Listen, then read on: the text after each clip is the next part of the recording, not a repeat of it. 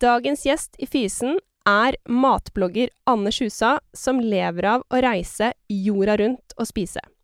Anders har bodd i København et par år nå, så jeg har veldig lyst til å snakke med han om hvilke steder som er de beste spisestedene i Skandinavias matmekka.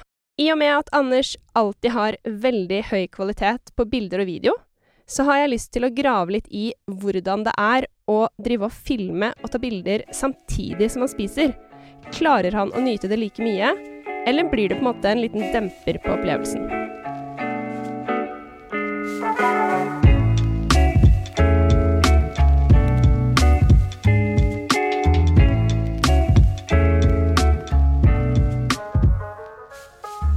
Hei, København.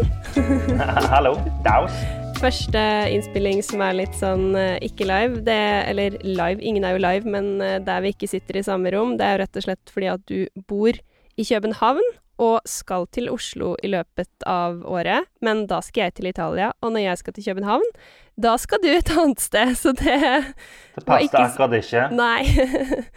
men, ehm, men ja. Anders, du er jo Jeg drev og slet litt sånn med på en måte tittelen din når jeg forberedte dette. Jeg skrev Ja. eh, matblogger, journalist, taste hunter. Men hva kaller du deg selv egentlig? Jeg tror matblogger er vel den mest passende av de. Ja, du er jo en matblogger. Du lever jo av å reise og spise. Eller det er vel ikke det du lever av, men å lage innhold om at du reiser og spiser. Og har en Instagram-konto med nesten 120 000 følgere. Og en nettside sammen med forloveden din, Katelyn. Det er riktig. Ja. Hvor mange år har du holdt på nå, egentlig? Jeg fikk nettopp en uh, sånn påminnelse av Wordpress om at bloggen min var 13 år gammel. Men det er den gamle bloggen, da. Ja, for du har hatt flere. ja, Men uh, det er 13 år siden jeg starta. Ja. Men da du starta, så hadde du en jobb også. En det er helt jobb. riktig. Mm. Ja. Da hadde jeg en, en vanlig kontorjobb Ja. på sida. Ja. Og som frilans, holdt jeg på å si, eller uh, gründer, hvor mange år er det nå?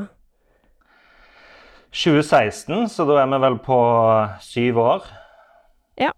Mm. Det er veldig gøy at du sier, faktisk, fordi uh, jeg møtte jo deg for første gang i 2016 Ja. eh, på en sånn gourmettur til Århus.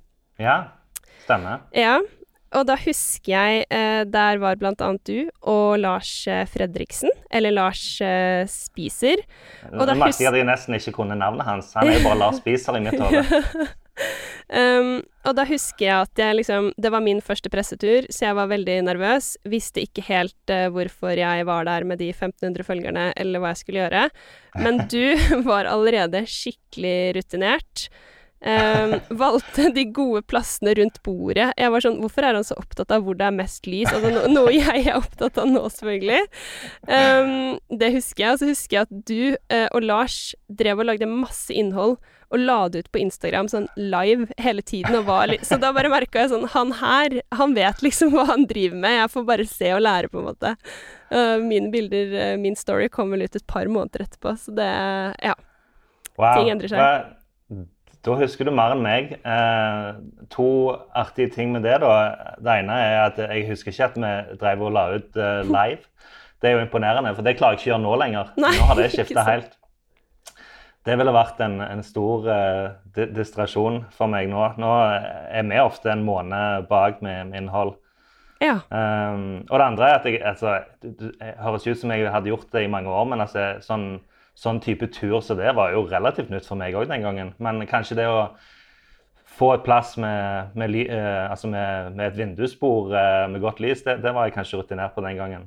Ja, det var du. Og så er det noe med, selv om du var relativt ny, det er jo noe med det litt fake it till you make it. Jeg husker det var litt sånn Ja, Anders Husa skal også være med på den turen, men han kan ikke første dag, for han driver med noe annet, og det var Ja. Det var veldig gøy å tenke tilbake på, egentlig. Eh, men jeg har lært masse av deg, da. Og veldig gøy å ha vært med deg på turer og se hvordan du jobber. Og som du sier, nå har det jo blitt enda mer profesjonalisert hvis du er en måned bakpå, holdt jeg på å si. Eller planlagt, da, med alt innhold. Nå prøver vi å finne måter å være mindre bakpå, da, for det er jo faktisk eh, noe med det å være litt, eh, litt Altså ikke live-live, det ville jeg aldri gjort. Jeg sitter ikke og publiserer noe mens jeg sitter og spiser, men det å kunne få det ut ganske kjapt eh, ser vi større og større verdi i for vår egen del. Altså, du, du, mister jo veldig mye av minnet av et måltid eh, hvis du ikke kommuniserer om det relativt raskt etterpå. Så, så vi prøver å, å, finne en bedre balanse på det. Mm.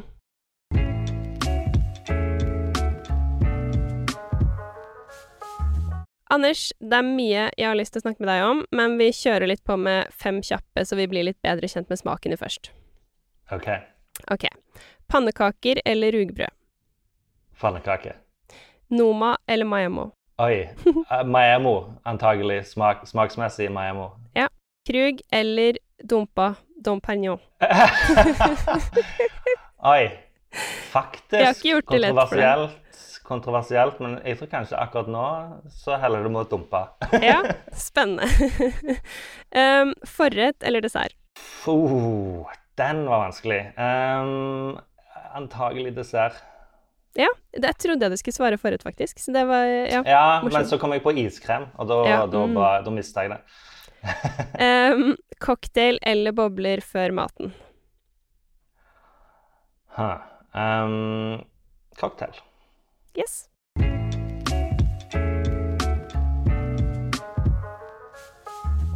Jeg har så sinnssykt mange spørsmål til den eh, innholdsproduksjonen din, for den er jo ganske blitt ganske avansert med åra. Men, eh, men, før det så vil jeg bare snakke litt mer om den reisen din, Anders, for det er så spennende. Som du sier, du gikk frilans i, i 2016. Før det så drev du bloggen din og Instagram ved siden av en vanlig jobb. For det første, mm. hvordan var det, og hvordan var det du turte å ta det steget ut og bare satse? Det er liksom vanskelig å, å, peke nøyaktig på hvordan det skjedde, for det har vært en veldig, veldig sånn gradvis greie. Eh, det var en, en, en, hobby eller Faktisk så starta det når jeg var student, for jeg skrev en masteroppgave om, om sosiale medier som gjorde at jeg eh, bare liksom signa meg opp på alt mulig slags uh, ulike kanaler og starta den bloggen i 2010 faktisk da som student.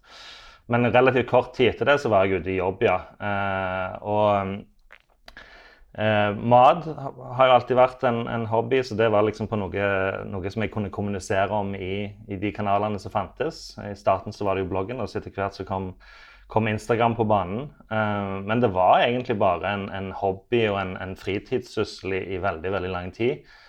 Eh, og så begynte det så smått å bli noe mer enn det sånn i 20 jeg, jeg, jeg, klarer ikke å huske, men tidligere, sånn 2014, kanskje til og med 15. Um, ehm, og der jeg begynte å, å, se at OK, kanskje dette kan være noe jeg driver med. Um, og da hadde jeg skifta jobb, og jeg hadde vært i ny jobb i en liten periode. Og jeg begynte å bli litt lei av den jobben og litt lei av sånn kontorliv. Hadde gjort det i mange år. Uh, og trivdes jo egentlig best når jeg var på reise og var ute og spiste. og gjorde det som jeg hadde en lidenskap for. Så da så jeg liksom en sånn liten mulighet. Kan jeg kanskje gjøre noe mer med dette? Jeg hadde begynt å få litt sånn skrivejobber for andre magasiner og aviser. Litt fotojobber.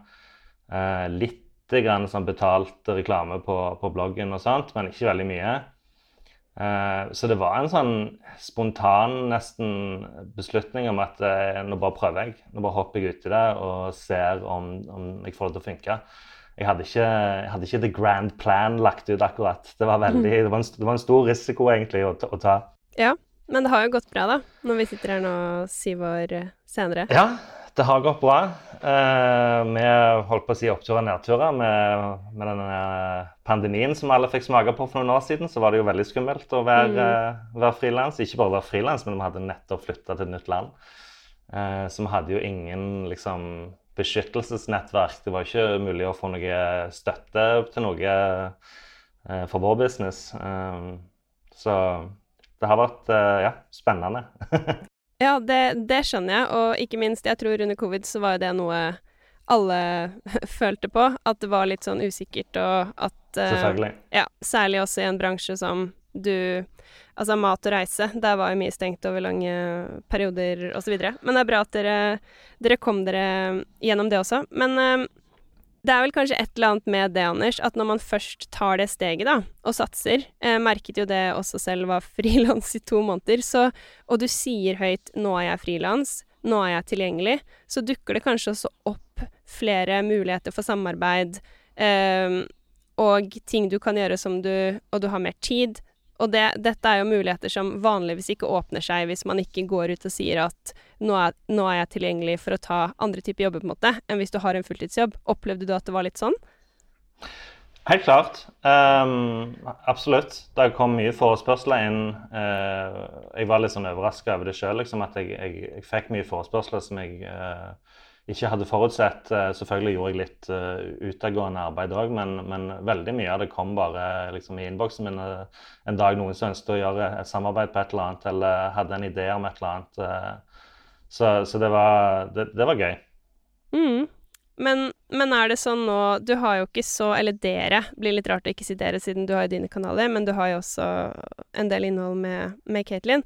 Um, dere har jo ikke så veldig mye reklame, så jeg regner med at du fortsatt gjør en del sånne frilansoppdrag for kunder. Um, hva er det på en måte helt konkret du lever av? Vi gjør egentlig ikke så veldig mye frilansoppdrag. Vi selger jo litt uh, bilder og videoer. Um, selger bildene våre til uh, ja, de vi tar bilder av, restauranter og ulike destinasjoner. Uh, selger video. Video er det jo veldig mange ulike aktører som har kjøpt av oss. Alt fra Netflix til BBC, men selvfølgelig òg Markkanalen i Norge. Kjøper jo videoene våre. Um, ellers så er det mye samarbeid uh, i kanalene våre, men det, det, det, som kanskje skiller oss fra veldig mange andre, er at vi gjør heller et par store samarbeid i løpet av et år enn mange små.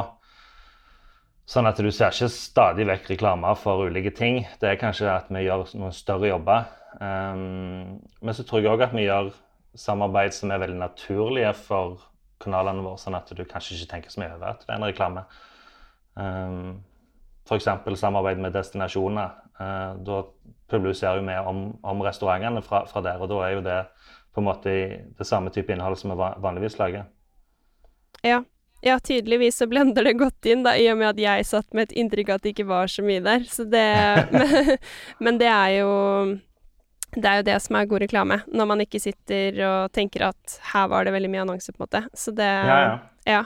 Men er det sånn at uh, dere avtaler som regel Altså, reiser du Hvor mye styres jobb av Du er jo veldig mye ute og reiser. Uh, hvor mye Er det sånn at du, før du reiser har en avtale, eller er det også sånn nei, men nå har vi veldig lyst til å dra til New York, f.eks. Da gjør vi det, og så prøver vi å selge det etterpå. Hvordan er liksom den balansen der, og hvor mye styres året ditt og reisene dine av, av jobb? Jeg tipper vi reiser godt over 50% av året bare på egen hånd, uten å ha noe spesiell jobb knytta til det. Uh, vi er jo stor del av året i, i uh, USA pga. at Caitlin er fra USA, som er jo hjemme og besøker familien og sånt. Og det er jo ikke no, noe jobb. Uh, så det er jo bare Altså, det er jo ikke ferie heller, men uh, det er jo en slags, uh, slags, reise hjem til hennes familie, da. så hvis vi er ute og spiser da, så er det ikke noe, det ikke noe jobb vi gjør. men vi jobber stort sett liksom, med sånn betalte samarbeid på vår og sommer og tidlig høstdelen av året. Resten av året er vi gjerne bare på egne reiser. Men en ting som jeg glemte å si i stad, var jo den tingen som òg blitt en stor inntektskilde for oss nå, og som, som, er, som, på en måte var litt av løsningen for oss under pandemien, det var jo The Hungries, eh, ja. matklubben vår som vi lagde. Ja, for hva er The Hungries? Uh, ja, det var på en måte vår hva skal kalle det, pandemic baby, altså vårt prosjekt under pandemien. Vi satt her uten jobb og hadde mye tid uh, til å tenke på andre ting. Og en ting som vi hadde hatt i tankene veldig lenge, det var å på en måte um, involvere eh, følgerne våre mye mer i det vi gjør.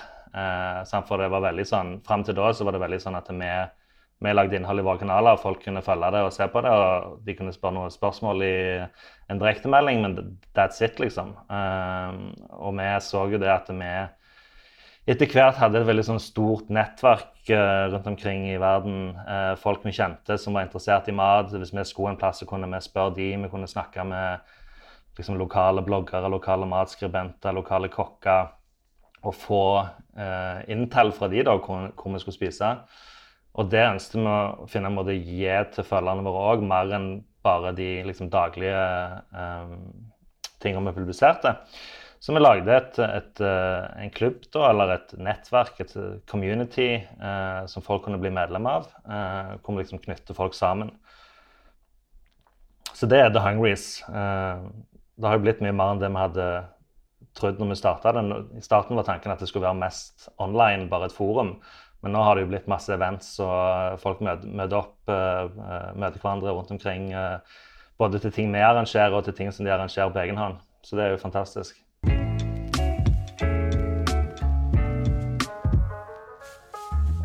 Jeg tenker vi også må egentlig introdusere din kjæreste, fordi at du sier jo vi, ikke sant. Vi hadde mye tid uh, under covid. Jeg regner med at mange har, som følger deg i hvert fall, har fått med seg det. Men uh, du bor jo i København sammen mm. med Katelyn, som er fra ja. Los Angeles, og som nå ja. er din forlovede. Uh, jeg, jeg, det er litt morsomt at jeg husker at dere møttes, det skal du få, få fortelle om selv, men du var jo Drev jo og reiste og spiste um, en periode alene, og så plutselig mhm. var du med en, en dame uh, fra USA, jeg husker det veldig godt, til Sveits eller noe sånt, på en eller annen uh, tur der. Og mm. da, etter det, så forsvant på en måte ikke Så, så var dere liksom å se sammen uh, hele tiden, så det må liksom ha gått veldig bra og veldig fort. Men kan ikke du fortelle litt om hvordan dere møttes, og hvordan det har utviklet seg, og egentlig hele det samarbeidet og ja. Ja, eh, Sveits, den turen til Frankrike og Sveits var vel en av de første tingene vi gjorde sammen. Vi møttes et par måneder før det i Oslo. Mm. Eh, det var et eh, event eh, på Maemo eh, hvor eh, Caitlin var der sammen med et par andre sånne taste hunters fra Rolls 50 Best. Jeg var der egentlig bare som uh, lokal matblogger. Uh, litt sånn uh, lokal guide. Ikke, ikke, som jobb, altså, men, men, det var liksom min, min, grunn til å være der. Um, så det var der vi møttes og fikk en god tone. Men det skjedde ikke noe sånn umiddelbart. men så skulle hun videre til Sverige etterpå, um, til Stockholm. Uh, og så hadde hun noen reservasjoner der som jeg uh, var frista til å bli med på, så jeg spurte om hun, uh, om hun hadde lyst på litt selskap. Så da ble det til at jeg booka uh, flybillett over til Sverige og, og møtte henne der. Um, og så fant vi tonen. på en måte følte vi hadde møtt vår Hva skal en si? Altså den kvinnelige og mannlige versjonen av oss sjøl. Vi ja. gjorde på en måte det samme. Vi, vi likte de samme tingene. Vi liksom hadde samme mening om, om rettene på restauranten og vinen vi drakk osv. Um, men da bodde jo hun i USA, da, så det var jo litt sånn lang, lang altså, Får nesten ikke lengre distanseforhold enn Oslo og Los Angeles. Um, men vi tenkte at det får ikke være noe hindring. Vi, får, vi reiser jo en del i en måte, jobben vår, så vi kan jo prøve å få til å møtes. Uh, og den Frankrike-turen var en av de første, men vi på en måte bare fortsatte å booke turer sammen. og gjennom det første året, så, gjennom 2019, så, så var vi nesten på reise hele tida. Det tror jeg er det året vi har reist mest. Men det handler jo òg litt om at uh, hun hadde begrensa dager hun kunne være i EU, og jeg hadde begrensa dager jeg kunne være i USA. Så hvis vi ville være sammen, så måtte vi på en måte finne nye reisemål. Ja, fy søren. Ja, det er ikke noe som hadde vært mulig hvis du ikke hadde slutta i den uh, jobben din uh, noen år før, for å si det sånn. Nei, og bare Absolutt følge etter en dame til Sverige. Så, Absolutt ja. ikke. Vi har snakket om det mange ganger, hvor på en måte tilfeldig det var at vi møttes, hvor usannsynlig det var at vi møttes. og alle de tingene som på en måte måtte være på plass for at eh, det skulle funke. At vi hadde begge, begge var single, begge hadde fleksibilitet i jobb og liv til å på en måte gjøre det. Så det er ganske usannsynlige forhold, men uh, vi fikk det til å funke. Ja, for det er jo bare sånn Det, det er jo som det er tatt rett ut av en film. Dere møttes på Maemmo, og dere bondet over felles meninger over mat og vin. Det får liksom ikke blitt uh, bedre på en måte. Eller det er bare Ja, veldig, veldig gøy, egentlig. Og veldig sånn uh, spot on. Passer profilen din, syns jeg. Ja, ja, ja. Veldig on brand. ja, exactly. Men uh, nå bor dere jo sammen i København, og der har dere bodd uh, hvor lenge, og hvorfor flytta dere dit? Vi har bodd her siden januar 2020, så det er jo litt over tre år. Um, og flytta her fordi uh, Ja, det er et godt spørsmål, men vi ble litt sånn lei av å, å drive og hoppe mellom uh, sånn visasoner for å kunne være sammen, så vi fant ut at vi, vi, må på en måte ha en base der vi begge kan være. Uh, og da var jo både Europa og USA en mulighet, men Europa virka litt mer altså litt, litt, enklere å få til, sånn rent praktisk.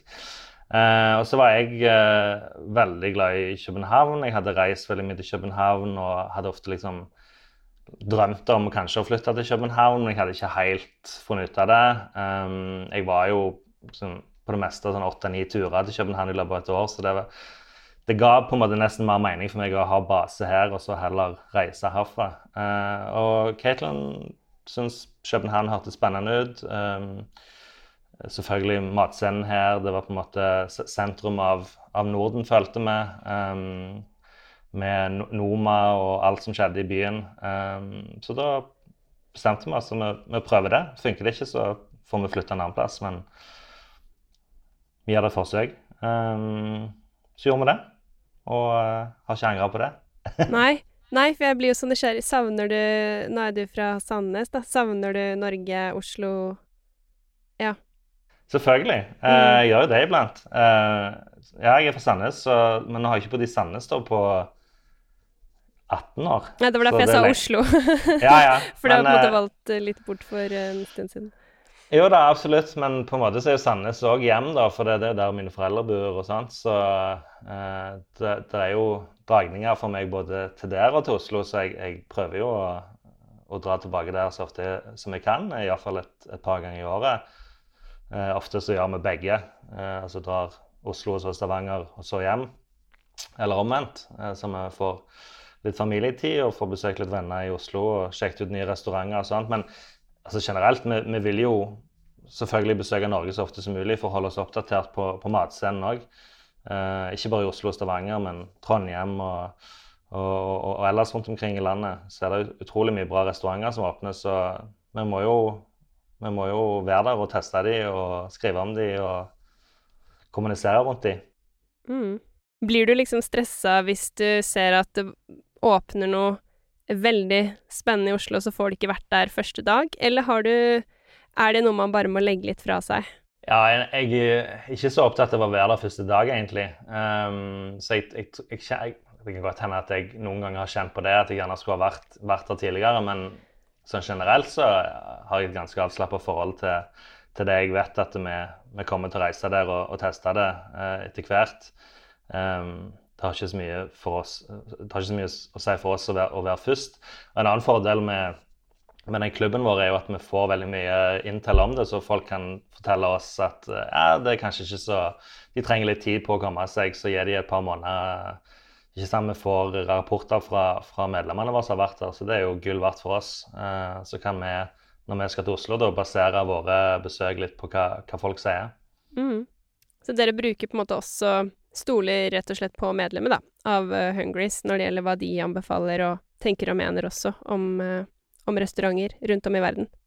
Ja, og det var en sånn ting som vi ikke hadde forutsett. Vi tenkte jo at dette kom til å bli mye liksom oss som Altså at de, folk fikk et nærmere forhold til oss og kunne spørre oss mer om, om personlige tips, og at vi var mer liksom rådgivere for dem. Men det har, det har, blitt så mye mer enn det, og, og, vi baserer veldig mye av våre reiser nå på, på det medlemmene våre sier. fordi at det, de som er medlem, er ekstremt opptatt av mat. De elsker å gå ut og spise på restauranter, og de har god peiling, de har god erfaring. Eh, så, så det, er lett å stole på dem. på en måte. Eh, de har godt sammenligningsgrunnlag. De reiser mye òg, så de har vært andre steder. Så de vet gjerne eh, liksom, hvordan nivået på det stedet ligger i forhold til andre restauranter i samme kategori.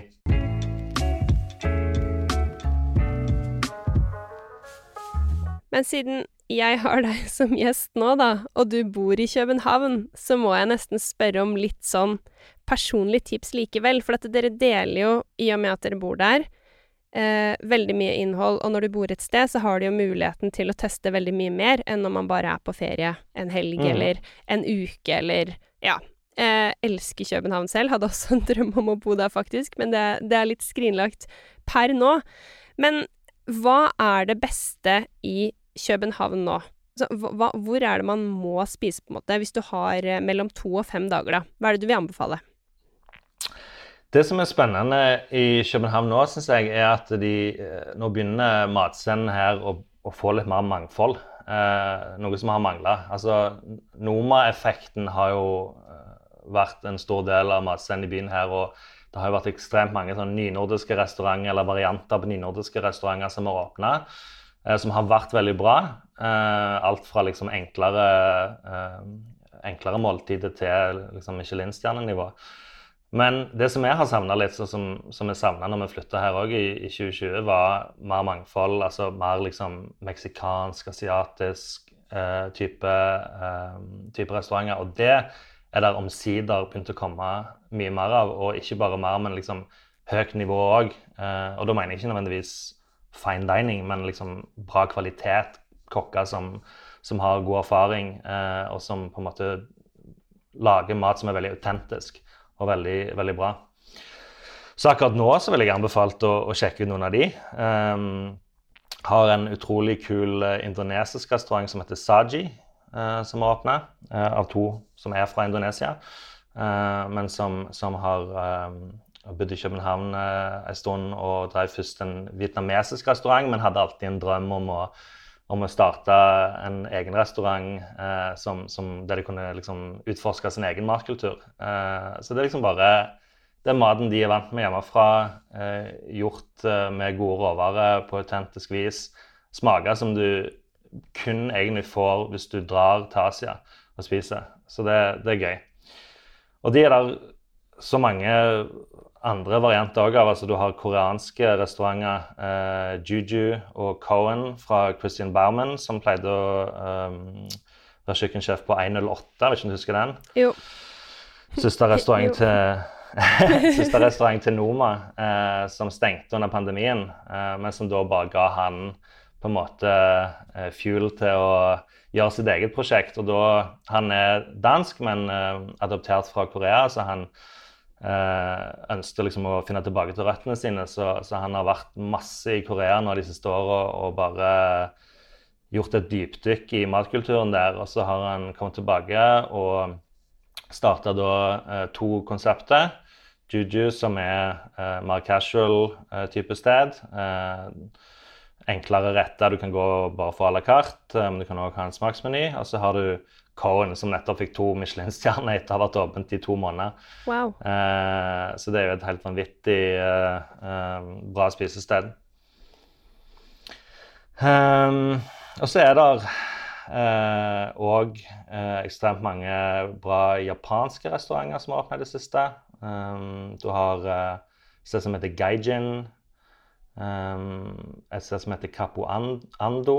Um, så har du et, par steder som har vært, vært der noen år, da, Sushi Anaba og Kona, men som òg gjør det samme. Veldig sånn autentisk japansk mat. Um, så jeg ville sjekket ut noen av de. Så er det en veldig spennende ny restaurant som skal åpne. Det har vi naturlig ikke vært, naturlig nok ikke vært ennå, uh, siden de ikke har åpna, men det er bra folk som står bak. Uh, skal hete Sunset Noodle. Han ene kokken der heter Will Smith. Altså ikke, ikke skuespilleren, men eh, Han driver en, en, restaurant som heter Goldfinch, som òg er relativt ny. Den har jeg veldig lyst til å dra på, faktisk. Ja. Bare hørt på. Ja. Kjempeanbefaling. Der lager han autentisk kantonesisk mat. Og på Sunset Noodles så skal han lage thaimat. Um, det vil si han har en, en kokk uh, fra Thailand som skal jobbe der, da. Men uh, det er med han som, som medeier. Så den har jeg veldig troen på. Um, og så har det jo en, en annen som har blitt uh, en favoritt uh, for oss de siste åra. Uh, en kafé som heter Sex. og de lager på en måte mat for hele verden. Det er et polsk par som har de, hadde, de, pleide å ha en, en kafé i, i Polen, men Nå har de flytta til København, eh, og de har, de har reist utrolig masse i verden. Eh, de har òg skrevet bøker om de reisene sine. Eh, de hadde f.eks. en reise der de starta helt, helt i sørspissen av Sør-Amerika. Eh, kjørte i bil med familien, ungene i baksetet, opp gjennom hele Sør-Amerika, Mellom-Amerika, helt til nordspissen av Alaska og var innom på en måte utrolig mange spennende eh, byer og land og matkulturer underveis. Og henta med seg oppskrifter fra folk som de møtte på veien. Så de har liksom en kokebok som heter Amerika, og så har de en kokebok om Asia. Eh, de har gjort lignende ting der. Eh, men i restauranten eller kafeen, for det er bare en kafé, så lager de ulike retter hver uke da, som er inspirert av ulike matkulturer. Og de gjør det så utrolig bra og med veldig veldig autentiske smaker. Så det er òg et, eh, et, eh, bra tips i København akkurat nå. Dit, det har du nevnt flere ganger, faktisk, så det, dit skal jeg på neste tur, som er, ja. som er, snart. Så det gleder jeg meg veldig til å teste. Det her var veldig, veldig mye gode tips til uh, internasjonale kjøkken, og litt sånn nye ting. Men mm i og med at ikke alle har vært masse i Kjøben, da, og så er det jo fortsatt sikkert noen, meg selv inkludert også, som fortsatt er litt glad i New Nordic og rugbrød og bakst og den type ting, hva vil du trekke frem der, i, de, i den kategorien? Det var flere kategorier, da, men uh, ja, det som ja. har vært der litt, og som er verdt å besøke, da, hvis man ikke har vært masse i København. Du drar ikke til København uten å spise smørbrød, eller smørrebrød. Uh, og der har vi noen favoritter òg. Um, hvis du, tar liksom og trekker linjer fra de mest tradisjonelle til de mest moderne, da, så starter du med Skjønemann. Det er jo eh, en institusjon, en av de eldste restaurantene i, i København. Um, 130 år eller et eller annet sånt. De lager jo ekstremt sånn tradisjonelle smørbrød, men bra. Og stemningen i lokalet der er jo eh, veldig sånn autentisk. Eh, du føler du, du, du på en måte er i en dansk smørrebrødrestaurant. Um, og så har du noen utskudd fra Skjønnemann som pleide å jobbe der før, som har starta sted som heter Mentergade. Um, og de lager jo òg uh, eh, relativt tradisjonelle uh, typer smørbrød, men med en sånn lite touch av, av moderne. Uh, litt sånn i samme kategori som Åmanns, hvis du har vært på noen av hans sin, sine restauranter. Litt sånn finere dandert, kanskje noe blomster på, men alt med en tanke, da. Det setter, ting som setter smak, selvfølgelig. Mm. Um, til den mest moderne typen smørbrødrestaurant som er i byen her, som er Selma. Uh, der det faktisk er en, en svensk kokk som, som, lager smørbrød. Ja. Og siste kategori, da, siden vi, siden vi, har liksom deg med som faktisk bor der og tester ukentlig, eller når du ikke er på reise, da, hva, hva som skjer i byen. Hvis man skal på noe fine dining, utover den du nevnte som akkurat hadde fått uh, to stjerner, hva ville du valgt da? Eller altså, anbefalt? Altså, velge er jo et godt spørsmål. for En restaurant som er naturlig å snakke med, er selvfølgelig Alkymist. Men der er det jo ekstremt vanskelig å få bord. Um, men det er jo en opplevelse så, som, som, Hvis du klarer å få bord der, gå for det. For det, det er verdt det. Uh, det er dyrt, men det er jo en, en, det er så mye mer enn en restaurant. Uh, det, det, er jo ikke et måltid på et par timer. Det er jo en, en liksom, nesten et heldagsprosjekt å besøke. Ja, for der sånn, går man inn i ulike rom, og maten ser ut som øye og banan og Eller Ja. Helt riktig. Uh, masse ulike rom uh, med ulike ting som skjer. Um, jeg vil ikke avsløre for mye, da, for det er jo litt av opplevelsen. Men de, de skifter jo òg, uh, så det går an å snakke om hva de har gjort før. dette gjør de ikke lenger, altså, men i starten, så når du kom inn, så var det Eh, et rom som så ut som du var i New York. Eh, og så var det ei som så var der inne og danste. Så skifta de til et annet konsept der det var ei som sto og spilte fiolin eh, for deg. Det var liksom bare rom én. og så går du inn i en sånn lounge der de begynner å servere deg masse småretter. men så er det jo inn, altså størstedelen av måltidet foregår inni den domen, eller hva kaller vi det på norsk. det rommet som på en måte er en, en, en halvkule som har sånn Uh, ja. Uh, ja. Sorry, jeg klarer ikke hjelpe deg med noe godt ord. Jeg Nei. sitter og tenker, jeg også, men jeg ja, tror vi kan se det for oss. på en måte sånn, Hele, hele, hele taket er jo et, et lerret, på en måte. De, de viser ulike uh, ulike sånn digitale bilder og videoer som på en måte matcher ting som du spiser. og det, altså, jeg skjønner at det konseptet her kan høres litt sånn ikke jeg, pretensiøst og kunstnerisk og sånt ut, men og det hadde ikke funka hvis ikke det hadde vært for at maten òg er helt fantastisk. Altså, det er veldig, veldig god mat. Eh, og det er liksom de de gjør så mye. da, De utforsker nye teknikker som ikke har blitt brukt før. De, altså, Matrettene har jo ofte et budskap i seg. altså De, prøver å si noe om, om, eh, om verden, ver, altså sette lys på verdensproblemet eller problemet i samfunnet. Um, ikke sant? En, en rett som, um, som uh, der, du, der, du, spiser et stykke av en fisk, og så er det plastikk oppå som er spiselig, som skal si noe om plastikk i havet. Uh, de har en, en, sjokolade hvor de bruker altså, griseblod i, i sjokoladen. Og da oppfordrer de folk til å donere blod. Samtidig du kan skanne en QR-kode. Oi! Ja, det er veldig det er fancy. Ja. veldig masse sånn tanke bak rettene. Men som sagt, det smaker helt fantastisk. Altså, det er et veldig, veldig godt måltid. Et, en av de beste restaurantene i verden, uten tvil. Bare hvis du liksom hadde strippa alt vekk og bare hatt maten, så hadde det fortsatt vært helt, helt på toppnivå. Men så har de skapt denne opplevelsen rundt i tillegg, da, som gjør at det, eh, du bruker jo syv-åtte timer fort på, på, eh, på, den opplevelsen. Um, så det er kult. Mm -hmm. Absolutt uh, noe å anbefale hvis du klarer å få en reservasjon. Uh, vi, har en, vi har en bloggpost på bloggen vår om litt sånn tips hvordan du kan prøve å, å få en reservasjon der. Um, en annen favoritt for oss i liksom, fine dining-kategorien er et sted som heter Alouette. Uh, de har ei stjerne, um, men det er ikke en sånn typisk Michelin-restaurant i det hele tatt. Altså, det er jo det er en smaksmeny og det er et fint lokale, men rammer rundt er i dette tilfellet òg veldig sånn utradisjonell. Um, ja, jeg vet ikke hvor mye en skal avsløre, men du, du, du forventer på en måte ikke at en sånn restaurant ligger der den ligger. Um, og personalet er langt mer uformelle enn du liksom vanligvis uh, får på en, på en sånn, sånn, type restaurant. Så det, det, er veldig kult. Det er noen amerikanere som driver. Um, så det er òg en stor anbefaling. Nice.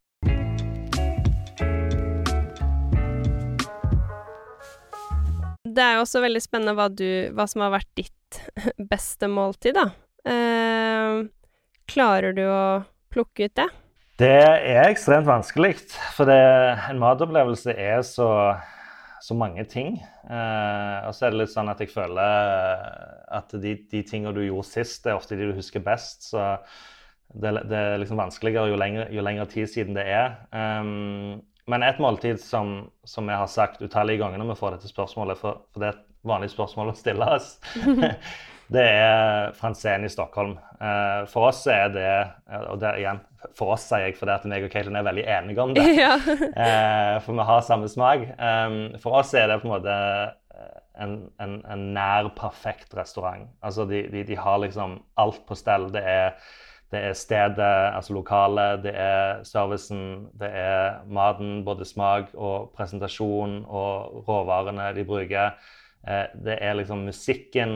Eh, det er alt av det hele pakken. Eh, det er så nær som vi har kommet på en måte det vi kaller et perfekt måltid. og så er det jo selvfølgelig også en spesiell restaurant for oss fordi det var sånn teknisk sett vår første date. ja. Etter Maemmo. Ja ja, nei, det er jo Ja ja, men på Maemmo så var vi ja, da, jeg vet bare, bare møt, møttes Jeg vet, jeg bare tuller med deg. så det er klart det er sånn måltid som står veldig sterkt for oss. Men um, Da legger man lista høyt, da. Skal sies. Ja, ikke sant? Um, når, når jeg og deg snakket litt om denne podkasten i forkant, så, mm. så tenkte jeg jo litt på om hva jeg skulle trekke fram. Eh, og altså det er sånn, Når folk spør det spørsmålet, så er det litt sånn, forventer de at jeg skal si ja, det var, en, det var liksom en streetfood-rett jeg hadde på gata i Bangkok, eller et eller annet sånt. For det, det er jo de øyeblikkene òg. Ja, ja. Du du har jo altså, Men det er liksom en helt annen kategori, da. Men vi var i Mexico City sist gang, nå, så var vi på et sted som har vært før, som heter Taco El Velcito som er, en, uh, som er liksom en sånn uh, bilverksted på dagtid. Altså På kvelden så fyrer de opp grillen og begynner å lage taco.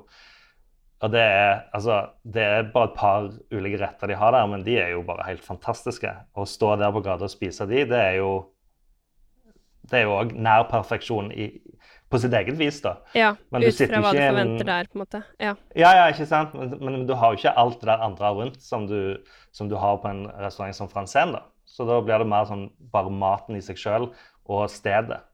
Ja. Nei, jeg trodde faktisk du kom til å svare Franzén, for jeg husker faktisk Nå høres jeg ut som verdens største stalker, men, men uh, er jo veldig gøy å følge med på innholdet. Um, og du er jo litt romantisk av deg. Det har jeg jo merka opp igjennom. Um, for en gang på Katelyn uh, sin bursdag spurte du henne hvor vil du spise. Kan velge hvor du vil i hele verden. Det valgte hun Franzén, mener jeg å huske. Mm -hmm. Ja. Det er helt riktig. Så det er helt tydelig at det er et sted som er spesielt for dere, da. Men det som skjedde den gangen, var jo at uh, det kom et lite virus i veien for den turen. Oh, ja. Så det ble at jeg måtte lage fransen hjemme istedenfor. Ja, det var det det var, ja. kjøpte champagne og kaviar.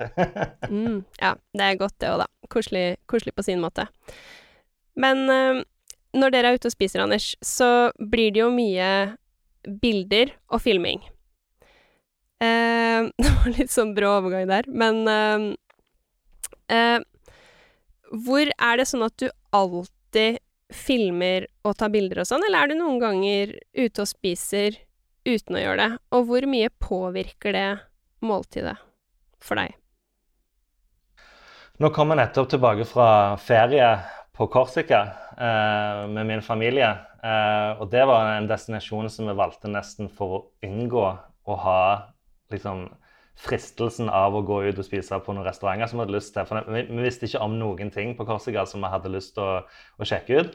Så da var det sånn perfekt faktisk ferie for oss å bare liksom chille og lage mat hjemme i en Airbnb som vi leide. Av og til gå ut og spise et par måltid, men helt sånn random steder som vi fant på Google Maps.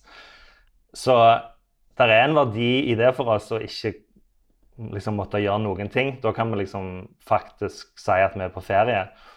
Men det er jo bare et par uker av året vi kan på en måte tillate oss å gjøre det. da. Eh, så mest, mesteparten av de reisene vi gjør, så er det jo mye dokumentasjon, ja. Det er det. Um, mye bilder, ofte video.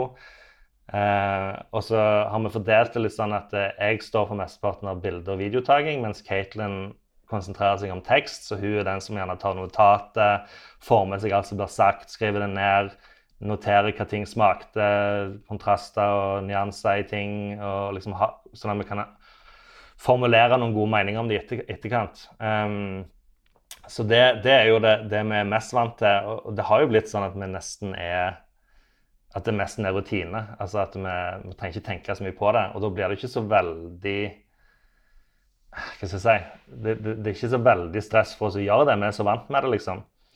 Eh, og vi gjør det veldig kjapt. Eh, vi, ikke, vi, tar ikke lang tid. Og det har jo òg med å gjøre at vi ønsker at eh, vi skal spise varme mat hvis vi får servert varme mat. Mm. men òg litt sånn ut av respekt for restauranten, at, at, vi spiser maten sånn som man var meint å bli servert, og at, at, vi ikke bruker for lang tid. sånn at liksom, ikke sant, Noen ganger så skal jo bordet noen andre sitter på det bordet de siste to timene av kvelden, så da må vi jo komme oss ut. Så vi er veldig kjappe. Um, det, vi har ganske god, god, rutine på det. Ja, men det er bra. Skikkelig teamwork. Ja.